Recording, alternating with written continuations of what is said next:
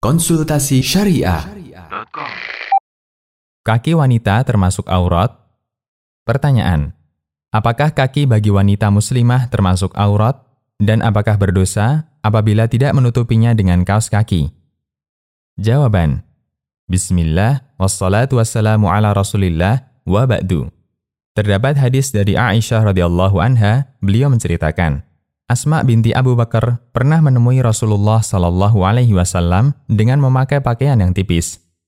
Rasulullah Shallallahu Alaihi Wasallam pun memalingkan pandangan darinya dan bersabda, "Wahai Asma, sesungguhnya seorang wanita itu jika sudah haid atau sudah balik, tidak boleh terlihat dari dirinya kecuali ini dan ini." Beliau menunjuk wajahnya dan kedua telapak tangannya.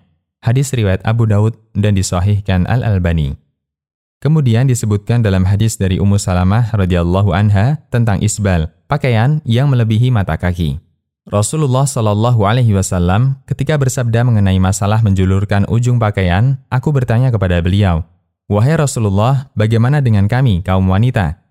Nabi Shallallahu alaihi wasallam menjawab, "Julurkanlah sejengkal." Lalu Ummu Salamah bertanya lagi, "Kalau begitu, kedua kodam bagian bawah kaki akan terlihat."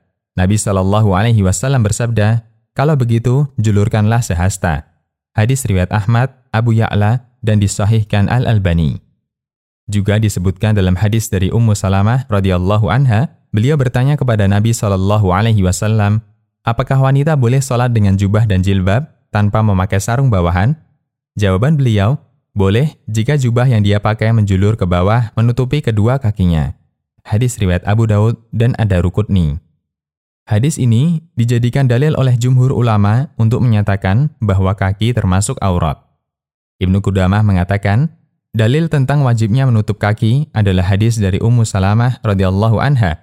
Beliau bertanya, "Ya Rasulullah, bolehkah wanita sholat dengan jubah dan jilbab tanpa memakai sarung bawahan?"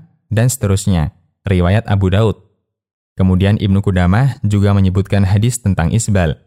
Lalu beliau mengatakan, ini menunjukkan Wajibnya menutup kedua kaki karena kaki termasuk anggota badan yang tidak wajib dibuka ketika ihram, sehingga tidak boleh dibuka ketika sholat sebagaimana betis.